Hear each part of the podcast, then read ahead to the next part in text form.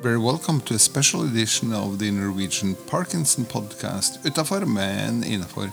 This week with uh, Dr. Ray Dorsey from the University of Rochester as our guest. Hosts, as always, Miss Serilinn Erlandsen and Edgar Valdmanis. We uh, have uh, called up Dr. Ray Dorsey from the University of Rochester. Hello, Ray. How are you?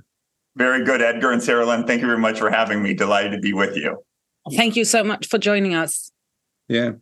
Uh, to jump straight in, um, you are one of the four authors of the book Ending Parkinson's Disease. Could you start out by doing some 60 seconds plus about yourself and why the interest in uh, Parkinson's disease? Uh, yeah, sure. So I'm a neurologist. I'm a professor of neurology at the University of Rochester. Uh, both my parents are psychiatrists, so I like to say I rebelled and I became a neurologist. and then during residency, uh, you know, you try to find an area that resonates with you. And then I remember I spent time at the University of Pennsylvania with Dr. Matt Stern and Dr. Howard Hurtig and Andrew Siderowf, uh, caring for people with Parkinson's disease. And I really liked it. And I said, I could do this. Um, I like the people uh, who, who, were affected. I like the fact that you can make them better. Um, and I like the fact that uh, you didn't call get called at two o'clock in the morning. Um, so that's how I got into uh, movement disorders and Parkinson's disease. Right, two o'clock in the morning. Yeah, well, you know, when you're a resident, you used to, you know, uh, carry around a pager, and you got beeped at all uh, different points in time. And I had uh, three young children at the time. Now we, my wife and I have four sons, and uh, that was enough waking up for me. I I do understand. how many years have you worked as a doctor, and uh, how many of these focused on uh, on Parkinson? Uh, almost all uh, on movement disorders. I uh, finished all my training in 2007, so about 15 years ago. The first 10 years of my uh, academic life was really focused on a rare genetic disease called Huntington's disease, which also has involuntary movements. Uh, with it, I had an outstanding mentor, uh, Ira Shoulson, who's made huge contributions to that field and Parkinson's. And then I had the gift of a sabbatical uh, after serving um, in a leadership capacity in the Huntington's disease community. And I really uh, started investigating the environmental causes of Parkinson's disease and reading the great work of Dr. Caroline Tanner at University of California, San Francisco, and really came to the conclusion that Parkinson's disease, I think, is to a large extent a man-made disease and thus a preventable preventable one. Right, right. Uh, man-made.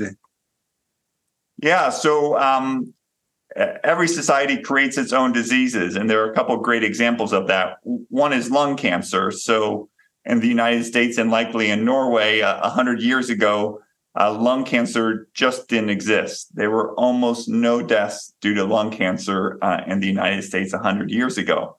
It was so rare that when a doctor saw someone with a made that diagnosis, he'd gather around all the medical students and doctors thinking it was a quote, once in a lifetime oddity. Uh, unfortunately, that didn't stay the case. And about 25 years after cigarettes were introduced into the United States in the early 1900s, into England a little bit before then, you see a rise in the rates of uh, lung cancer deaths when lung can when smoking peaked in the 60s and 70s and started to fall 25 years later you saw a corresponding decrease in the number of lung cancer deaths today lung cancer which didn't exist 100 years ago is the leading, sor- leading uh, source of cancer death both in the united states uh, and around the world and we could live in a world where lung cancer is extraordinarily rare if we stopped uh, smoking um, and I think the same thing is true for Parkinson's disease. When Dr. James Parkinson described uh, Parkinson's disease in 1817 in London, he's 61 years old. He's been around, he's been a surgeon for 30 plus years.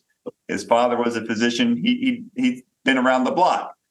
And he said, uh, uh, he described cases of six people with a new condition, a condition that he said had not been classified in the medical lit- literature. And if you think about London 1817, what's going on there is we have uh, the Industrial Revolution. London's the capital. and air pollution was at uh, at unprecedented levels and had been for 50 to 100 years, if not uh, more than that.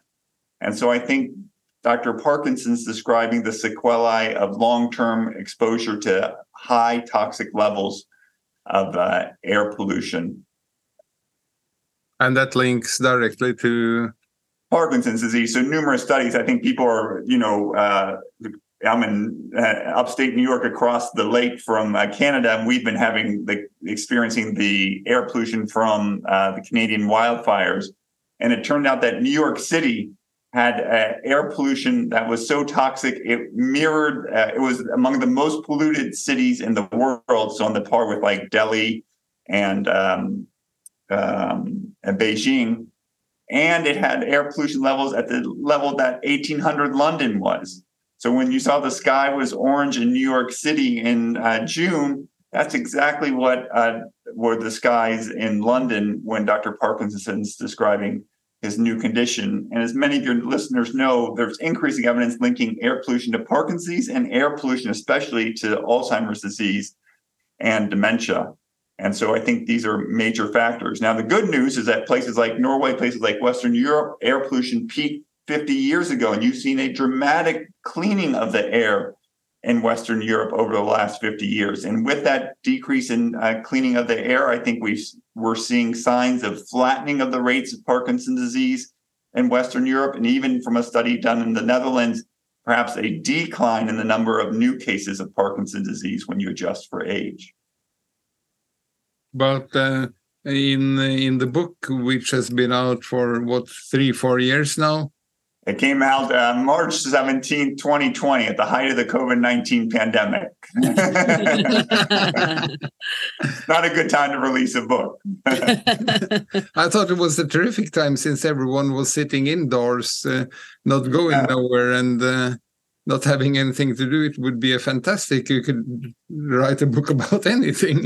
yeah, it's a fantastic time to read a book, but getting people aware of a new book is a little bit more challenging. You missed all, out on all the book signings. yes, there were no book signings. um, but in that book, you say that um, that uh, there will be a doubling. Yeah. Uh, of cases uh, leading up to 2040. Yeah, so Parkinson's is the world's fastest growing brain disease. Um, and if you look at the rates of Parkinson's disease, they're highest in the industrialized world, like the United States and Canada. They're lowest in the least industrialized uh, parts of the world, like sub Saharan Africa. And they're growing most rapidly in those countries undergoing the most rapid industrialization, such as India and China. And then one of the major risk factors for Parkinson's disease is aging. You know, just like you can't, you don't smoke a cigarette and get uh, lung cancer the next day, you don't get exposed to pesticides, dry cleaning chemicals, and air pollution and develop Parkinson's the next day. You need to live a long period of time for that, for the disease to unfold. We know it takes decades likely for Parkinson's disease uh, to become manifest. And so, as the number of people live longer, as more and more people live into their 50s, 60s, and 70s, we're going to get more and more people with Parkinson's disease.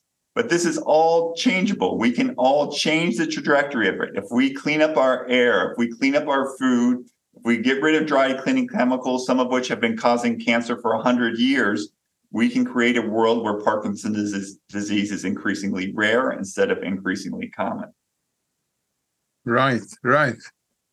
Um, that's interesting. If we actually do these things, if we do now um, getting active in cleaning the air and other parts of the environment, then uh, we may not see that doubling of cases by 1940, or it will not, out and yes, exactly. It's not a fait accompli. We can uh, change it, and indeed, if you look at the, in the only study that I've high quality study that I've seen that showed that the incidence, the number of new cases of Parkinson's adjusted for age is decreasing is in, in, in the Netherlands, so not too far from where you are. The Rotterdam study is called. And between 1990 and 2010, the number of new cases of Parkinson's adjusted for age decreased by 60%. 60%. Crazy, right? And so I said, well, let me look back and let me look at air pollution, dropped by at least 50%, if not much more, in the decades before the decline. Let me look at pesticides, level of pesticides in the fat. So, you know, you can measure pesticide levels in the fat like DDT and its metabolites dropped between 75 and 90% between 1968 and 1984. And then let me look at this dry cleaning chemical, trichloroethylene is, is its name, TCE. And the Netherlands in 1981 had among the lowest levels of TCE in its atmosphere and its outdoor air of any uh, country in Europe.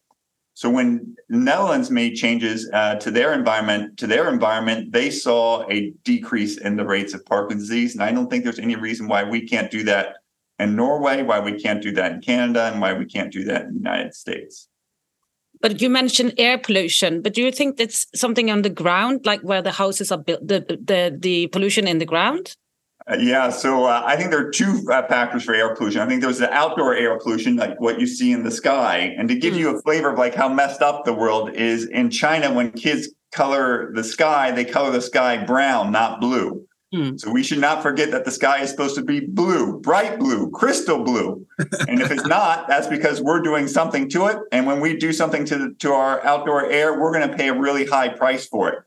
Hmm. Life expectancy, worldwide life expectancy for all of us is on average three years shorter because of outdoor air pollution. So if you want to live a short and unhealthy life, breathe a polluted air. Now, in addition to outdoor air pollution, there's indoor air pollution, like within your home, your school, uh, within your workplace. And it turns out that this dry cleaning chemical, well, I think most people, I'll back up. I think most people know that radon uh, can evaporate from the soil and enter people's homes, especially your basement. I don't know if people test their homes for radon in Norway. They they might. Yeah, they do. Um, and it turns out there are other chemicals that can evaporate from the soil, and one of them is this dry cleaning chemical trichloroethylene, which can contaminate groundwater. Which, as you know about, uh, you guys do uh, meters, which is you know five to ten meters below the ground, and it forms underground rivers. And that TCE is very volatile. That's why it's used in uh, dry cleaning because it readily evaporates. And it can evaporate from the soil and groundwater and enter cracks or foundations or utility lines in your home, school, and workplaces. And if you live near a military, an industrial site, a dry cleaner, you could be breathing in this chemical and never know about it. Or you could have breathed it in 50 years ago and never known about it. And this uh, chemical is known to cause cancer and is associated with a 500% increased risk of Parkinson's disease. Yeah. Right. Um, where did the idea of the book come from? And who said these are the four guys that should should write it? Uh, well, uh, so Bas Bloem and I uh, had the pleasure of giving a talk um, on the bicentennial of Dr. James Parkinson's uh, description of the disease in 2017 in New York City. And um, we gave a talk and we were talking about the rapid growth uh, and the number of people with Parkinson's disease. So we wrote an editorial uh, to JAMA Neurology that was initially entitled The Parkinson Epidemic. And then Michael Okun was the editor, and he said, Why don't you call it the Parkinson pandemic, which is a term that he had actually uh, used in one of his books uh, earlier. So we wrote this piece on the Parkinson pandemic, which talked about this doubling and it really resonated uh, with the Parkinson's community and, and, with our peers. And we said, well, if that uh, did it, um, why don't we write a book? And so we enlisted the support of uh, Todd Sherer, who I think was at that New York City meeting. And that's how the four of us came to be.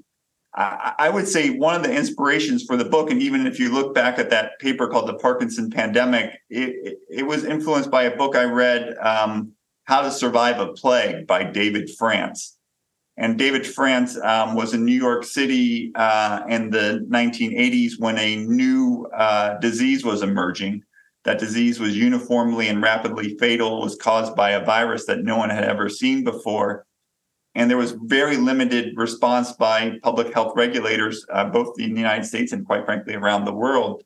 And a group of activists, including David France, uh, formed an organization called ACT UP, in New York City, and their motto was silence equals death. Because for people with HIV and AIDS, silence did equal death. If they remained silent, there was no one coming to to coming to save them. There was no cavalry, and we would say in the United States.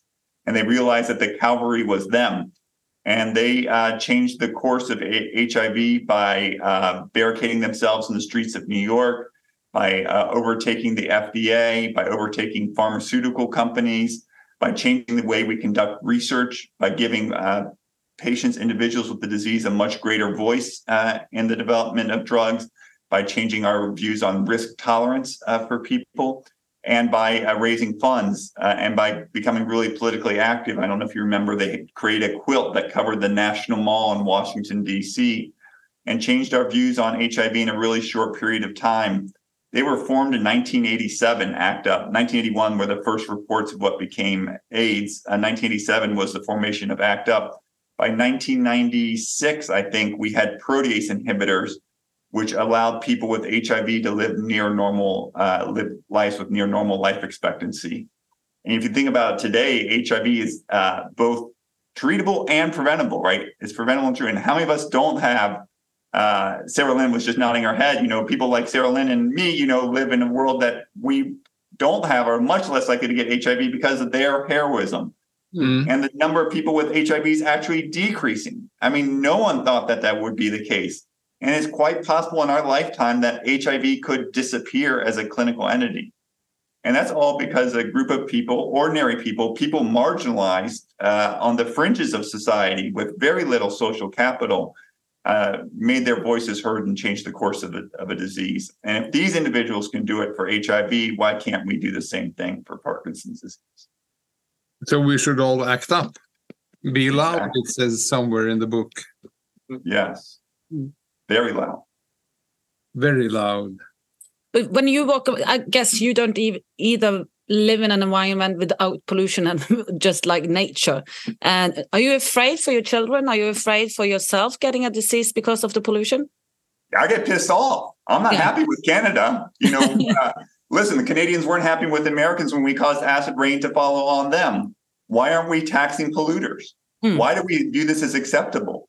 why are we letting private industry, in this case it's forest fires, why are we letting private industry privatize the gain and socialize the losses?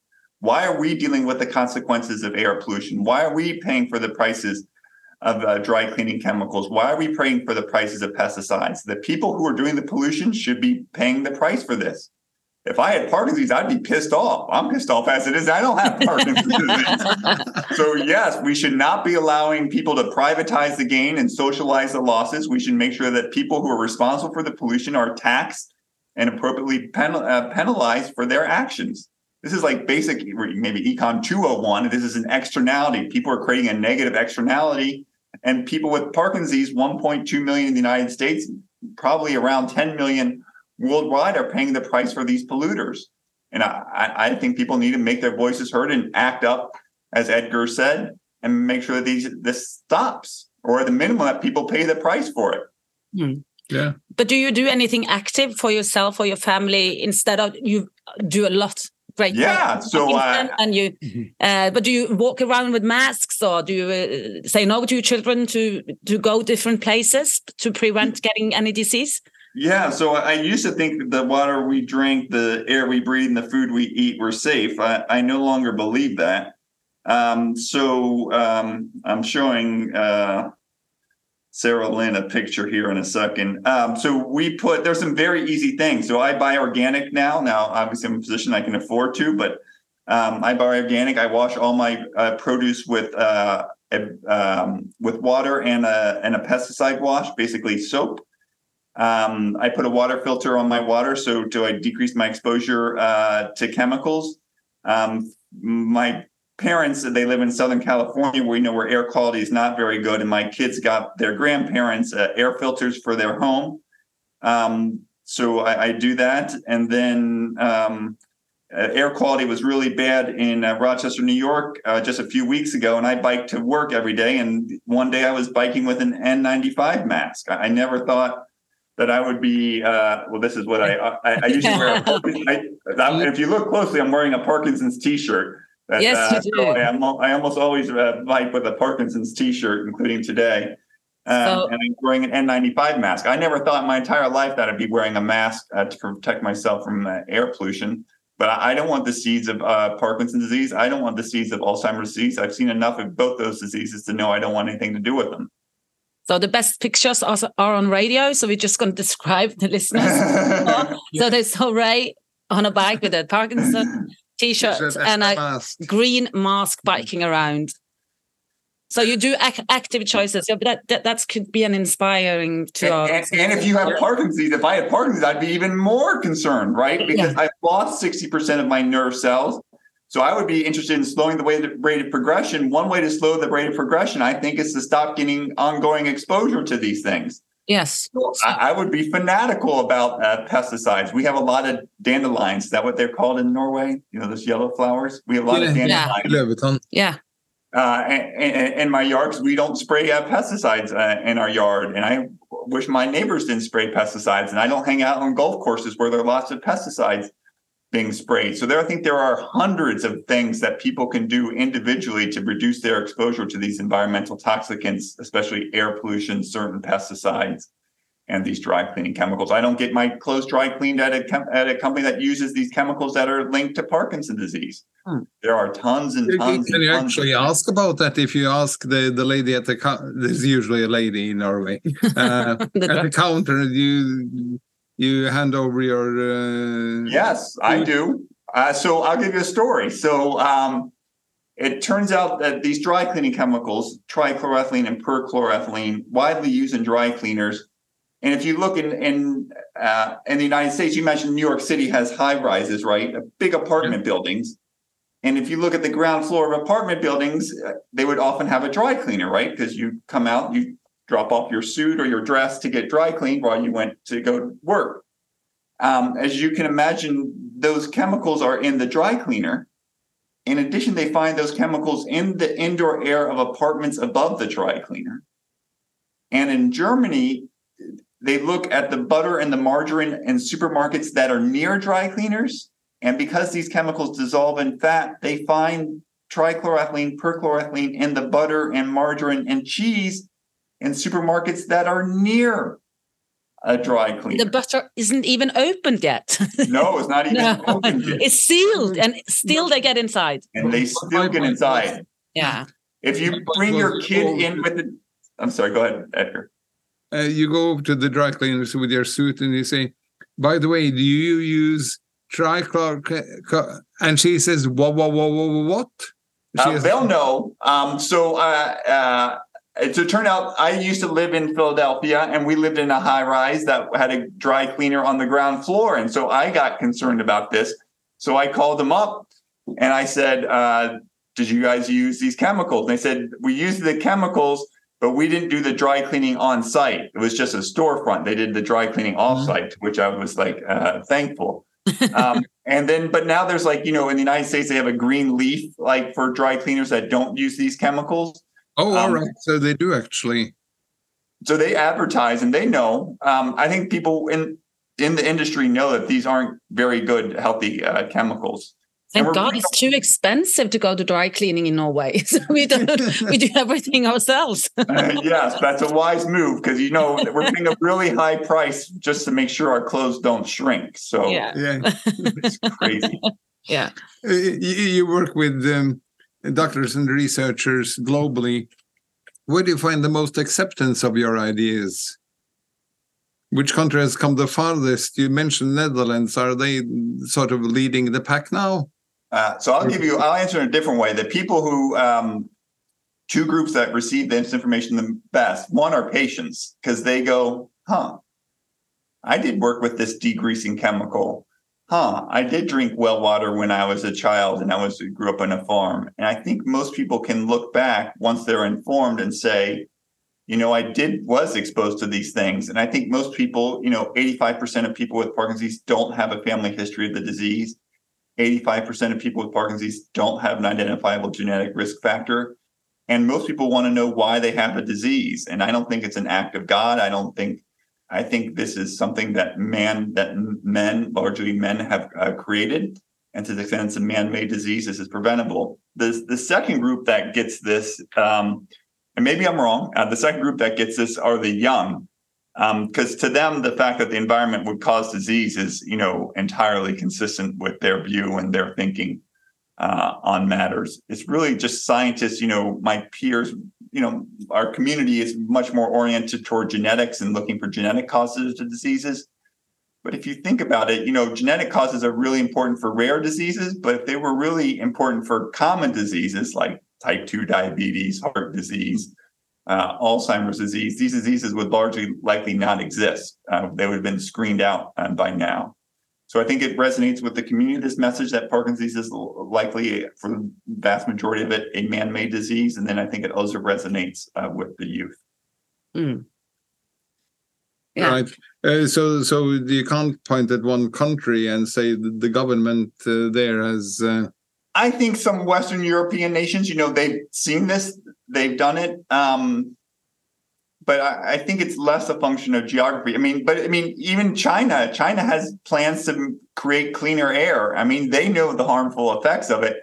I mean, it's so crazy in China about air pollution that some schools are creating domes they yeah. build domes over the school so the kids can go play soccer or play outside uh, without getting exposed to the air pollution. So the Chinese, and they adopted like a, a government plan to reduce, uh, improve uh, air quality. So anyone who's experienced the toxic effects know about it.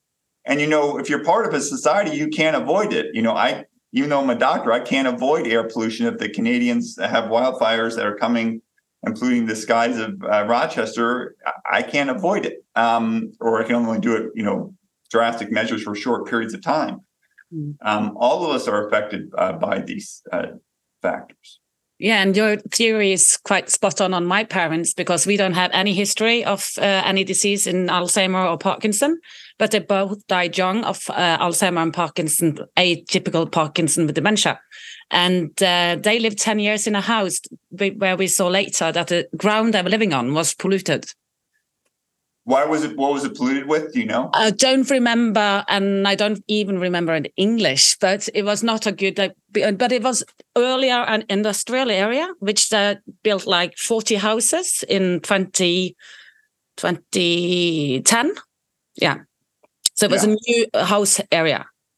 Yeah, and so there are tons and tons of communities. Um, in the United States, this whole idea about uh, chemicals evaporating coming into the homes started at a, at a idyllic community near Niagara Falls called Love Canal, and it was polluted by a chemical company. And these chemicals were seeping up into people's basements and uh, bubbling up, percolating, and uh, causing cancer and you know likely longer term uh, diseases like uh, Parkinson's disease. Mm. A bit lighter topic. Uh, we experience that lots of people with Parkinson's hide their diagnosis from families, friends, etc. Why should they stop hiding and rather come out? In your opinion, I think they should do whatever they think is most appropriate to them. Um, so and I think that's an individual decision. Um, in the book, we highlight uh, the case of uh, a woman who hid the diagnosis from her own children, um, and it just and it actually increased this caregiver strain on her husband and increased the strain likely on her as well, and likely on the family. But that said, I think individuals can make their own decisions. The flip side is we should have enormous respect for people who are the face of the disease. So people like you, Edgar, people like Larry Gifford, people like Michael J. Fox, people like Brian Grant, people like Davis Phinney, who are willing to put themselves out there. It's really, really hard to have Parkinson's disease. It's really, really hard to have a disease and be the face of that disease.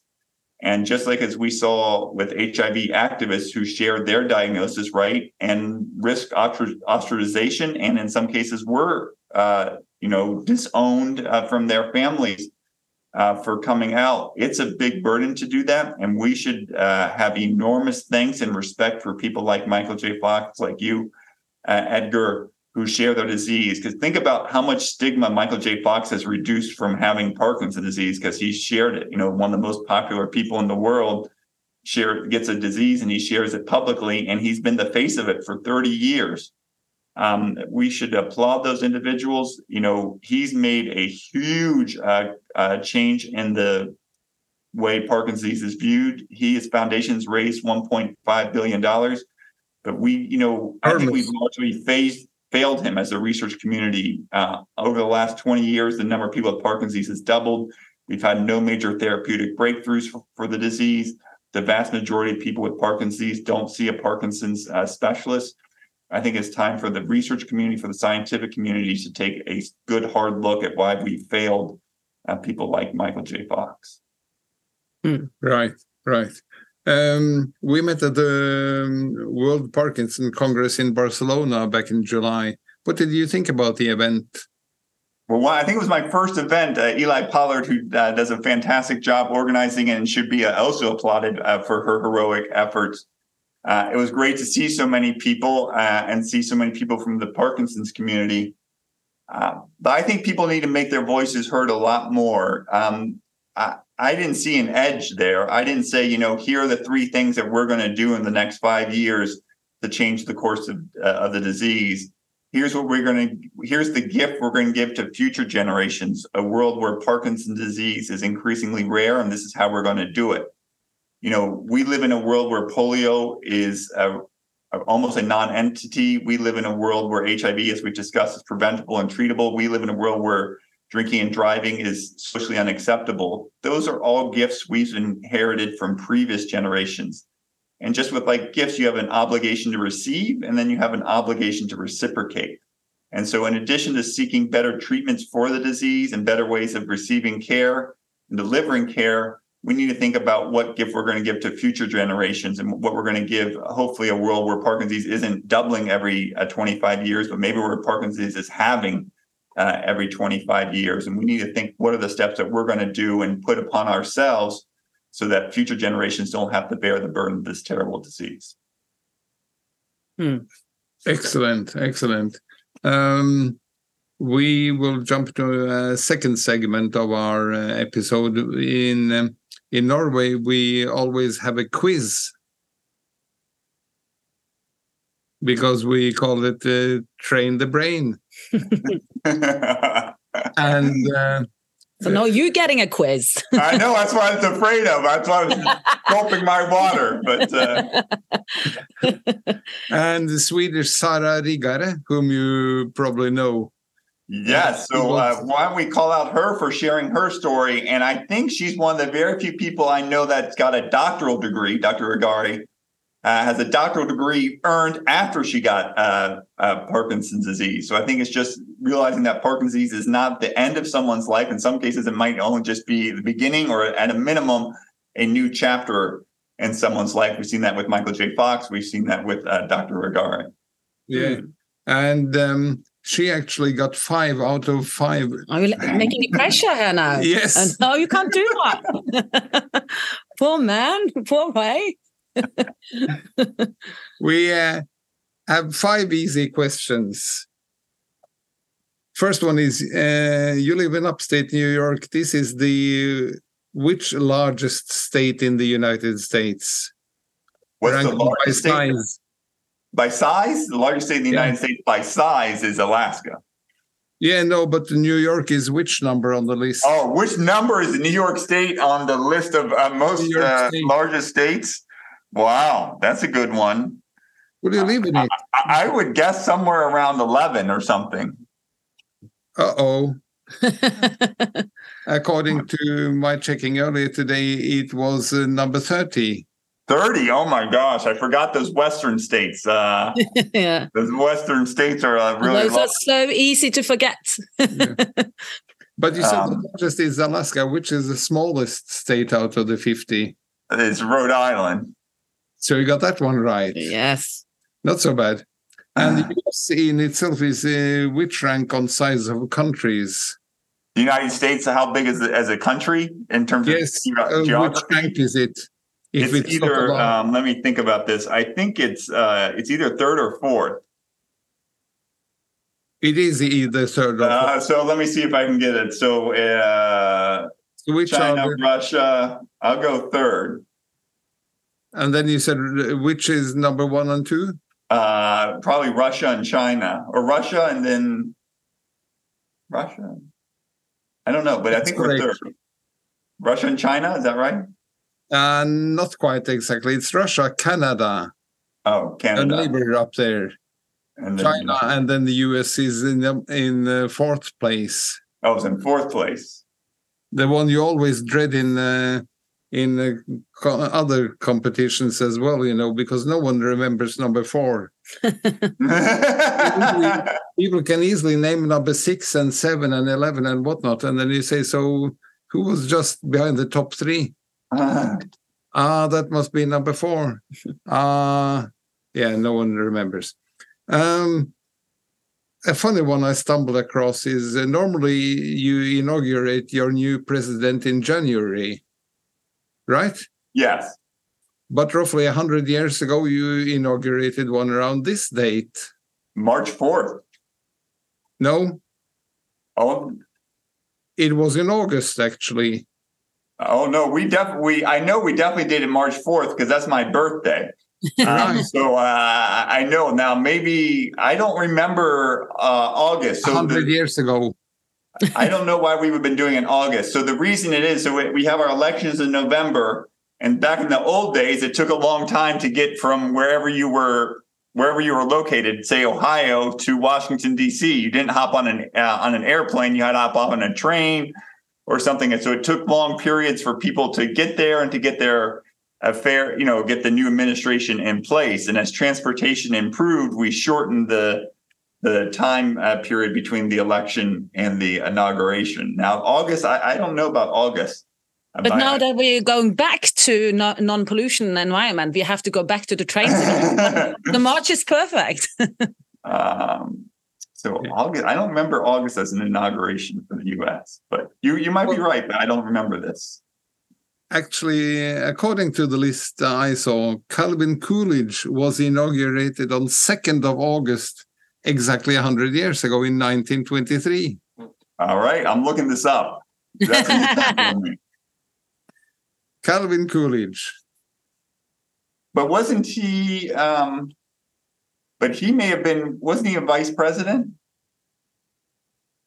Yes, because his uh, he was a vice president because President Harding had died the evening before. So he was Ah. actually. I just so his you know the United States. If the president dies, John F. Kennedy, for example, Yeah. then the vice president becomes um, president. President. And so it turns out Calvin Coolidge, this is actually kind of uh, tell you how much the world has changed in 100 years. He was living, he was visiting either, he was visiting his father in, Ver, in Vermont when uh, Harding, when president died. And so they like called him by like three different ways to get the phone to Calvin Coolidge because he's in some remote little community, you know, just like Norway, right? Up in Yeah. the northern part of the thing. And then his father knocks on the door to tell them that Harding has died. And I think his father, who was a judge or something along those lines, actually administers the oath of office to Oh. Calvin Coolidge at like two in the morning when he gets this message, you know, waking him up uh, to say that he's the next president of the United States. and um, Calvin Coolidge, there's lots of things about him, but he was a, a really, really quiet man. And one time he was at a little wedding, at, at, a, at a reception, and a woman comes up to him and she goes, I bet I can make you, uh, get you to say three words. And he goes, You lost.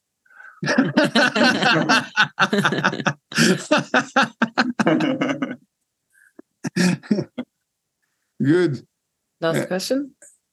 The last uh, question. Name five countries and capitals in America outside of US, Canada, and Mexico. oh, five countries in in the Americas themselves? Yeah. Oh, uh, so like, you know, like Brazil and Brasilia? Yes. Okay. Um, uh, Caracas in Venezuela. Um, Sounds right. I think it's Panama City in Panama. I think it's Santiago in Chile. Um, You're I doing think it's. Bogota in uh, Colombia.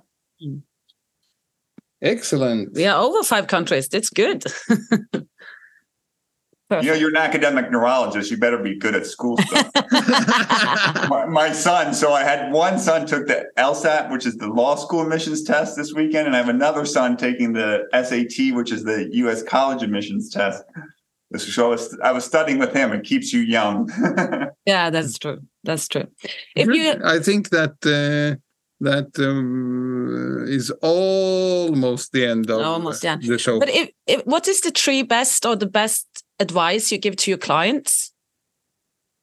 For Parkinson's, Yeah, the the Parkinson patients that comes to your office or what the one do well, study? I, I, I tell them I give them uh, well one I tell them to avoid these other these environmental risk factors. Two, I tell them to exercise. So Bas Bloem, you guys probably had you know uh, done a ton of work. Others have done a ton of work. Um, Lisa Shulman, others uh, demonstrating that exercise is beneficial for people with the disease, and vigorous exercise in your 40s, 50s, and 60s uh, may lower your risk of Parkinson's disease by as much as 20%. And then, um, uh, you know, Parkinson's, the best thing they said at the outset is that's treatable and that, you know, small doses of levodopa can make a huge difference for people. So if you avoid these environmental risk factors, uh, prevent a further progression of the disease, if you exercise and you got to sweat a little bit, uh, I always say it's better to spend your time without the doctor than uh, with the doctor. Any kind of exercise? Is everything good just as you exercise? it seems to be largely independent. It seems things that uh, get your heart rate up and make you sweat enough. So, uh, jogging, uh, swimming, yoga, tai chi, ballroom dancing, uh, rock steady boxing. Uh, ballroom dancing. Did you say? I boxing. said rock steady boxing. Rock steady boxing was the next one I was going to say. Um, is another uh, great one. Right, but um, seeing that I have Parkinson's disease, and then both uh, Bas Bloem and you say I should stay away from fruit that is sprayed, I should go ecological. Uh, one thing is, um, even though we have generous uh, grants given in Norway, living on on uh, disability grant is um, not a very rich life as it starts out, and the ecological fruit and veggies cost two to three times the not so ecological.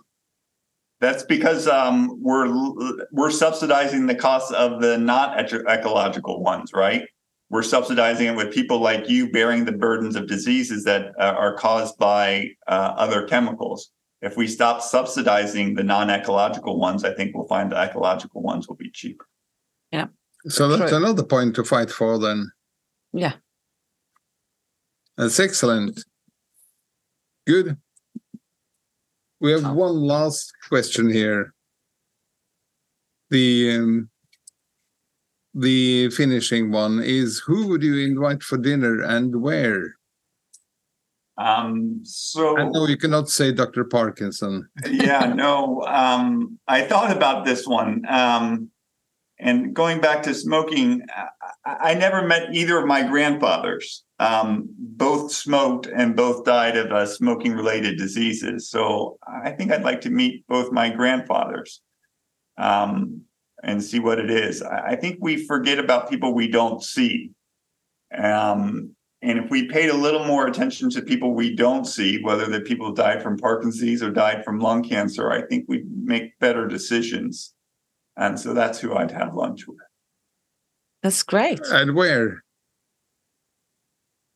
So one is from uh, Drennen, West Virginia, which is a tiny, tiny, tiny town outside of the capital, an hour outside the capital. And then my uh, other one is from Baghdad, Iraq. Um, I've been to Drennen. I haven't been to Baghdad, so maybe I'd say Baghdad, Iraq. Let's go to Baghdad and maybe flies on the wall. yeah. Good. Good. Thank you so much for joining us, Ray. Thank you, Edgar. Thank you, uh, Serilinn. Greatly appreciate it. Thank you. Have a nice day. Further Thank on. You. Thank you. Good. I think that uh, worked out excellently. Oh yeah, talking on no. Don't oh. with the buttons now. Let's keep Ray on for another minute. Thank you. I didn't know I was getting this quiz. Um, yeah, work on my geography.